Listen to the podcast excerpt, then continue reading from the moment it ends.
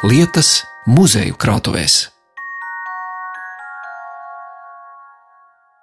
Vai ku jauki, nē, es nu pat ieraudzīju konservoņus, tāds skaists kvadrāts ir Maļēvičs, melnais kvadrāts, bet šeit ir konservoņu kvadrāts. Ap 2000. gadu zivju apstrādes uzņēmumā Sēlga dienās strādājot divās maiņās, tika saražots aptuveni 100 tūkstošu kārbu konservu, galvenokārt ļoti pieprasītās šprotes eļā.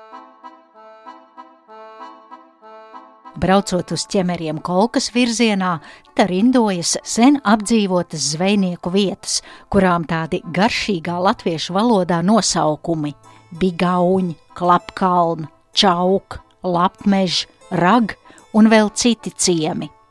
Kā vēsta teika, tad lapmežs ciems pie sava vārda ir ticis, jo apkārtnē ir auguši daudz brangi lapu koki bet nesenākā pagātnē te zvejnieku kolhos sēlga ir darbojies.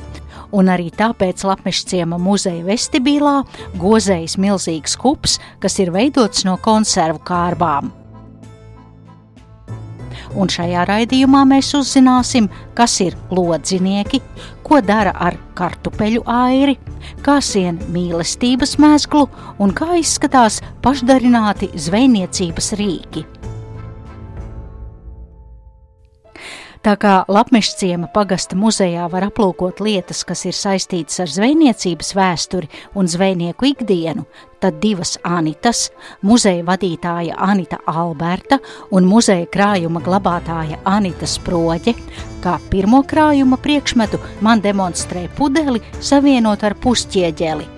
Skaidrojumu šim pirmajā mirklī dīvainajam, bet vispār ļoti praktiskajam meistarojumam sāk Anita Alberta ar ķieģeli, lai viņš nogrimtu.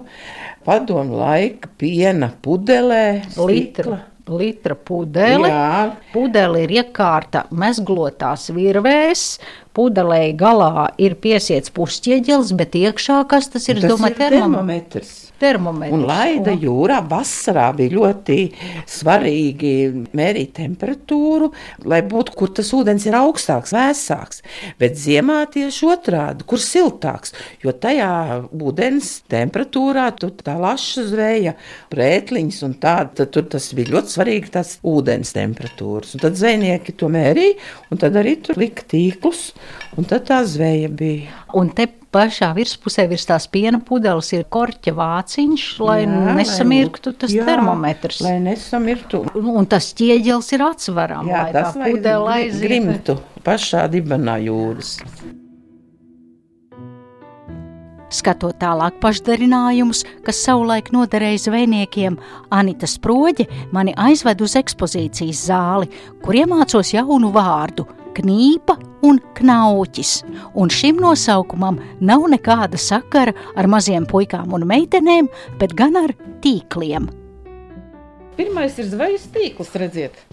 Tā es ieraudzīju vienu uzrakstu knīpa knauķis. Šī ir viena detaļa no tīkla žāvēšanas vabas augšdaļa. Vabas kādreiz. Tas ir tie mieti, mieti uz kuriem, uz kuriem tīklus. Tur tam ietam augšā ir tas knīpa knauķis. Arī koka detaļa vienkārši. Un uz tiem karināja tīklus. Un tad to sauc par knīpu knauķi? Jā. Nē, atbrauc tāds pilnīgs ne zvejnieku ciemietis, tad te var daudz ko jaunu un interesantu iemācīties. Tas ir knīpa knauķis. Es gribēju teikt, ka tādi mazi, mazi nēši, bet nu, tādus pleciem neuzliksi. Viņš bija uz tajā staba. Jā. Jā, un šeit uz šiem te karinājās tīkli. Vienkārši sakot, tīklu pakaramais, bet daudz košāk, protams, skan knīpa un knauķis. Vēl viens rīks, kura izveidēja redzama attapība un tas kā materiālu trūkuma laikos tiek lietā likta izdoma, ir pašdarināts zivju tīrāmais. No koka zāra apdarināts sprungulīts, pie kura ar naglu ir piesisti divi alus vai limonādes pudeļu korķi metāla.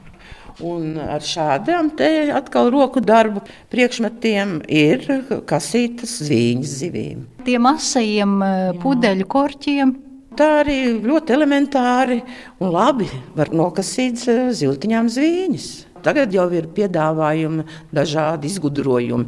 Tajā laikā jau pašiem vajadzēja kaut ko sameistarot, izdomāt, un tas ir veiksmīgi izdarīts. Bet spriežot pēc korķiem, nu, mēs runājam par kādu 40, 50 gadu senu pagātni. Pagājušā gadsimta 60, 70, varbūt pat 80 Jā, gadi. jā tajā laikā.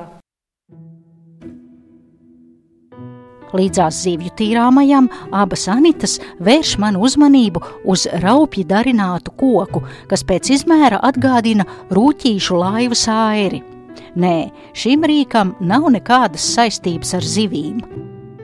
Nu, tā kā ir lieli airi, bet ir nu, maziņš lūk, airīts, tā kā airis. Un tad mēs vienmēr pajautājam, ko varētu mūsu pusē ar šādu maziņu pusmetru tādu garu, mazu, tā kā izskatās kā airis. Jā, un tāds robusts apdarināts koka gabals. Nu, es teiktu, es nezinu, es pa- par airi neuzskatītu. Es teiktu, es nezinu, kāpostu skābēšanā kaut kur tur iepliķēt tos kāpostus ar tādu. Nu, Dažādi var, te, var arī teikt, ka maisī kaut ko katlā maisa. Es nezinu, maisīt. lopiemēdienu. Arī varēja lopiem, bet pie mums šādām te darba rīkām bija pielietojams rakt kartupeļus. Mūsu ciemos ar šādiem te koka Airiem. Nu, tādiem, jā, nu, tā kā ne, maziem. Tādiem tā kā izskatās kā airis būtu, bet, nu, raka kartupeļus, jo zeme pie mums ir ļoti irdena, viegla un eh, vienkārši varēja ar tādu priekšmetu izrakt kartupeļus un arī nesabojāja kartupeļus. Bet es domāju, vai tad vieglāk nav, ka iet un rudenī tos kartupeļus roku nu vienkārši ar, ar rokām vai Nē, tad tieši ar to es pati. Mēs paši esam bērni rakuši. Viņu tā kā arī tā roka. Tā, nu, Tā kā tu airi- tā airē tā to kā- zemi Jā, nost. jā, tā nu. Tas ir roka darbs, jo katrā mājā bija tāda lāpstiņa. Jo katrā mājā arī ne tikai bija zvejnieki, bet arī nodarbojās ar lopkopību. Bija gotiņas, sivēni, bija vistiņas, un, un ne tikai vajadzēja jūrā iet un, un zivtiņas apstrādāt, un viņas ar, arī realizēt, pārdot, bet arī vajadzēja sagādāt ēdienu, kartupeļus arī izaudzēt. Tā kā tāda lieta bija.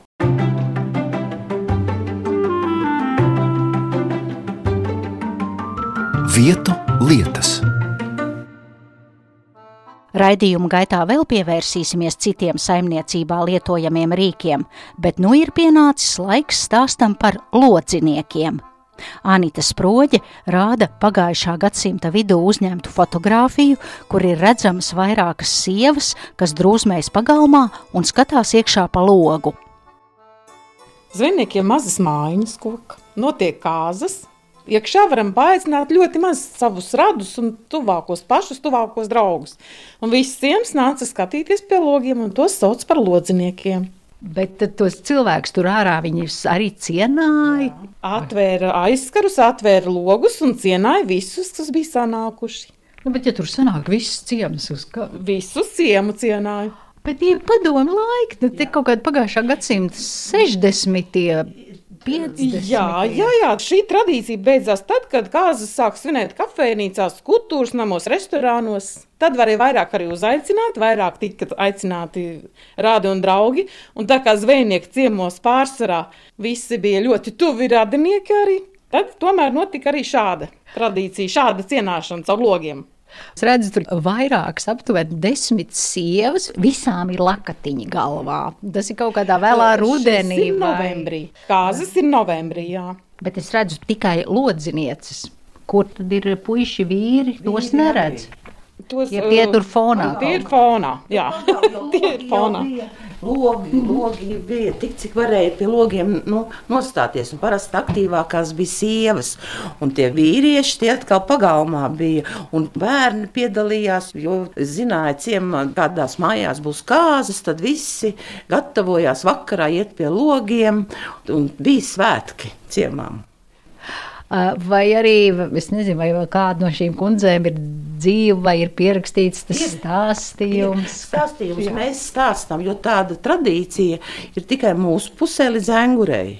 Bet ko tie lodzinieki, vai arī viņi bija jaunām pāriem kaut kādā veidā viņi sveica, vai kaut ko dāvināja, vai dziesmas dziedāja, vai kā? kā? Nē, nē, tik īpaši nē, tas jau bija nu, notikums, jau, kad tas ciem cilvēks ir ienācis pagalmā un visi kopā ir, visiem ir svētku vakars. Bet cik ilgi tāda cilvēka, tas ir novembra vakars, cik ilgi viņi tur ārā stāvēja? Nu, mičošana arī noteikti vajadzēja redzēt. Tā pat galvenā kulminācija kāzās mičošana. Un tur vairākas stundas cilvēks stāvēja pagalmā, vienkārši caur logu skatījās, Jā. kā tie tur iekšā ēd un dzer. Jā, un ir gadījumi, kad kazās eh, nebija ciemnieki. Bija nu, atbraukuši ciemiņi no Latvijas citām vietām, kuriem nebija pieņemami šādi lodzinieki. Jo padomājiet paši, ja mēs sēžam pie galda un notiek kāzas vai kādi godi, un kad eh, vienkārši brīvi pie logiem vairākas sievas skatās, un, protams, tur arī pievērs uzmanību tam, ka viņi tika tie ciemiņi, kas atradās kāzu mājās, arī aprunāti. Nu, labā nozīmē, kas tur ir kleita vai, vai kāda tur frizūra, un, un tas arī viss tā pie lietas.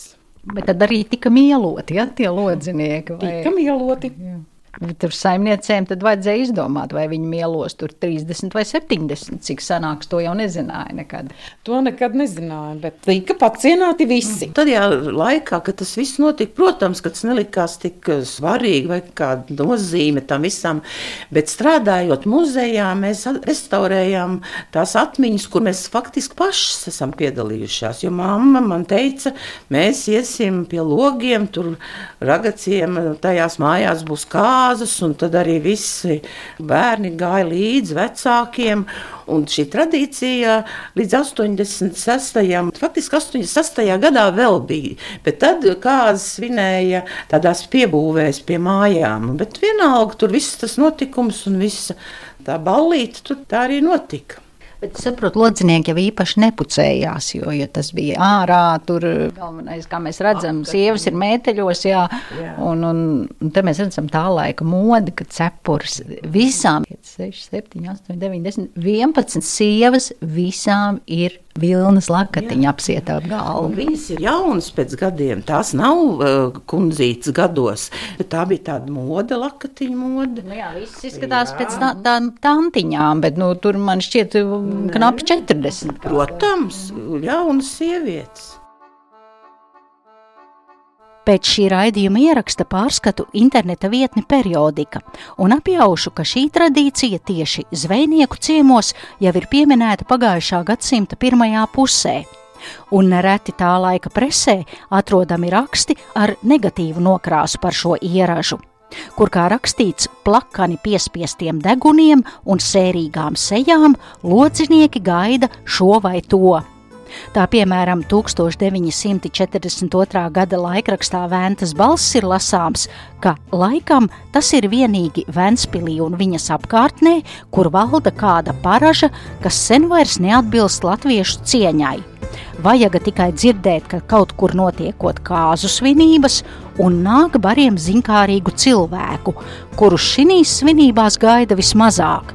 Stundām viņa nīkst aiz logiem un slepenās ilgās gaida. Varbūt saimnieks atmetīs kaut ko no kāzu galda. Kā lasāms tad gadījumos, ja svinību rīkotāji aizver aizkarus, tad reizumis negantāki lodzinieki arī izsit logu stiklus.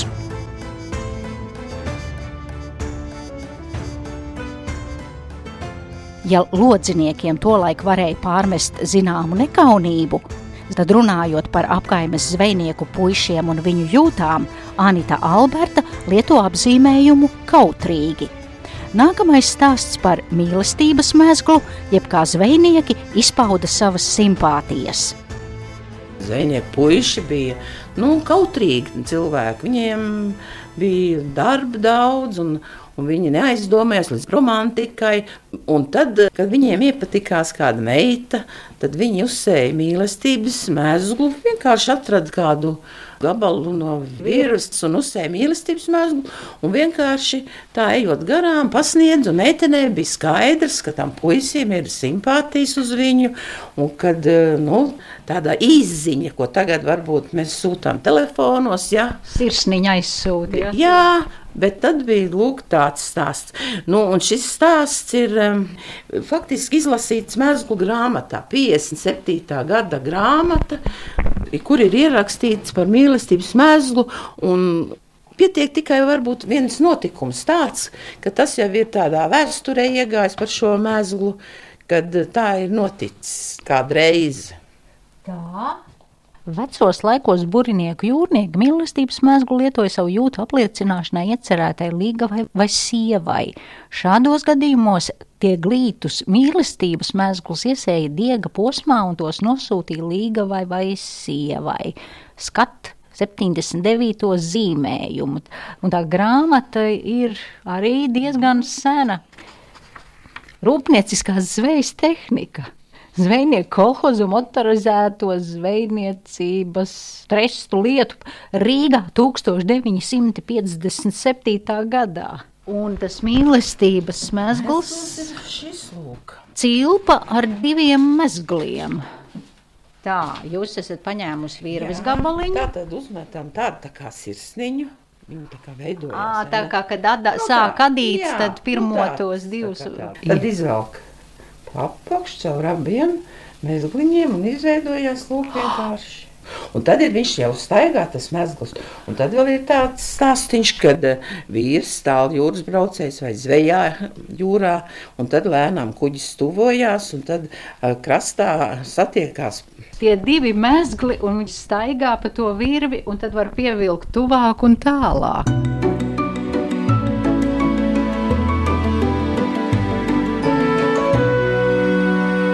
Vietu lietas. To arī turpat muzejā ikvienam interesantam māca sasiet, stāstot par zvejnieku dzīvi agrāk, kad gan zīvju, gan arī to ķērāju šai pusē bija vairāk. Nu jau pat tāda reiz ierasta lieta kā stikla boja, te ir iecelta muzeja priekšmeta godā. Par to stāsta Anita Alberta.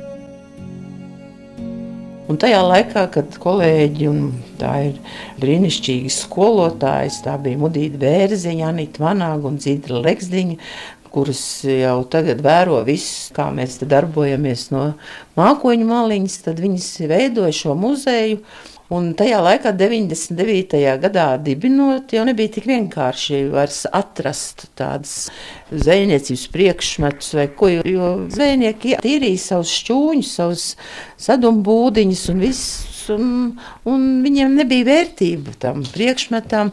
Tāpat kā arī stikla bumbas, piemēram, bojas tās no stikla. Versija ir tāda, ka viņas ir vai no Līvāna stikla fabrikā vai Ilģu ciema stikla fabrikā viņas. Un tagad jau uz šodienu, agrāk zvejnieku sētās tādas stikla bumbas bija zvejnieku sētās ap dobēm likta. Nu, tagad tā reti, jo tas jau skaitās ļoti vērtīgs. Ne, nu, priekšmets. Vēsturisks priekšmets, jo Jā. ne Līvānu, uh -huh. ne Līvānos, ne Ilģu ciemā uh -huh. vairāk tās stikla fabrikas neeksistē. Ja pamanījāt, Anita Alberta minēja vārdu sedums. Varētu teikt, vēsturisks laivu depo, kādu šodien reti kur var redzēt, bet Lapmeša ciema pagastā tāds ir. Kam interesē un kas jautā par sadumu, mēs stāstām, ka kuģi atgriezās uh, parasti pēc zvejas vai arī gāja zvejot no ostām, bet uh, laivu piestātnes saucās sadums. Un katrā zvejnieka ciemā mūsu ciemos bija šādi sadumi kur bija tīklu būdiņas ar niedru jumtiem, kur lika darba rīkus, atpūtās zvejnieki, satikās, pārunāja vietas, kur labāk zvejot, kā vispār zvejniecībā un kā rīkoties. Un tur bija tāda satikšanās vieta.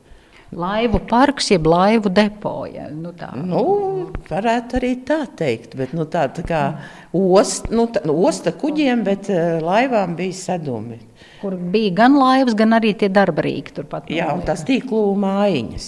Un, un dzīvē ir ragaciemā, aktīvi ragaciemnieki ir atjaunojuši šīs mājiņas, un tur arī var redzēt, kā bija dabā.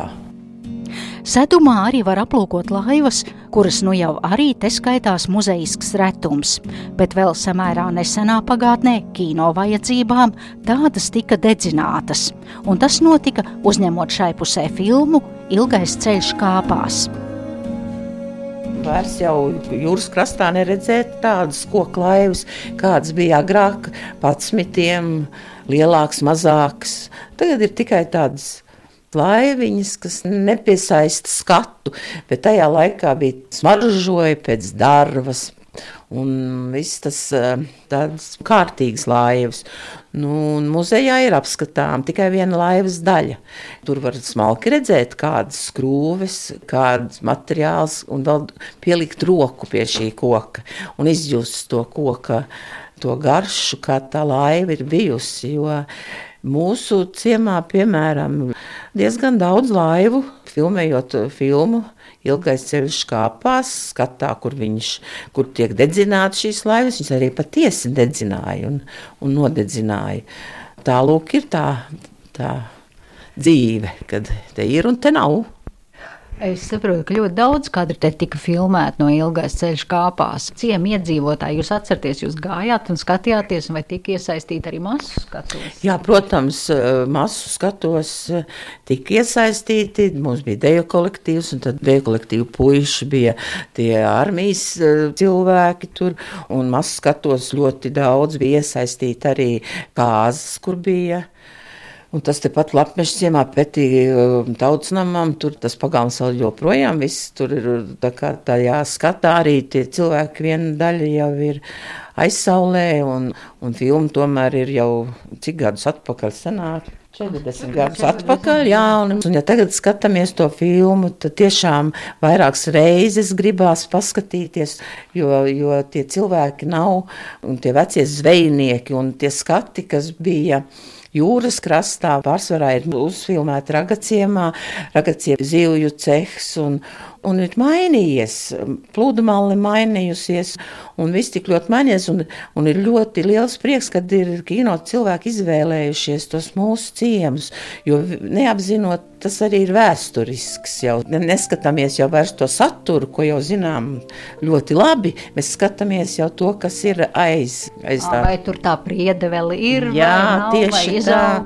Un cilvēkus patīkam redzēt tos, kas jau vairs nav, ka tomēr tā atsauc atmiņā.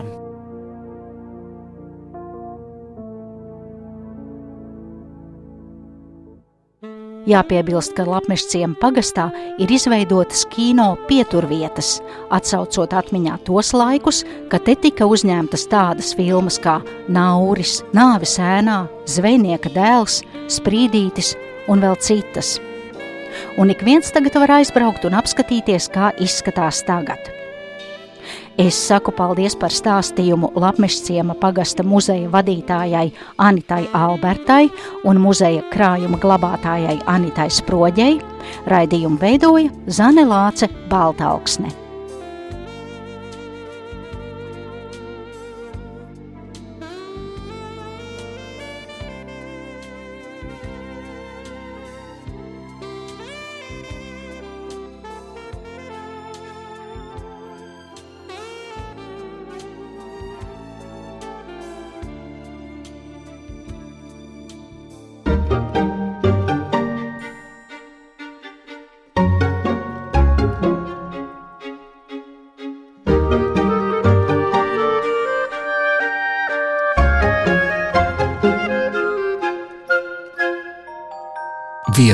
Vietu, lietas, muzeju krātuvēs.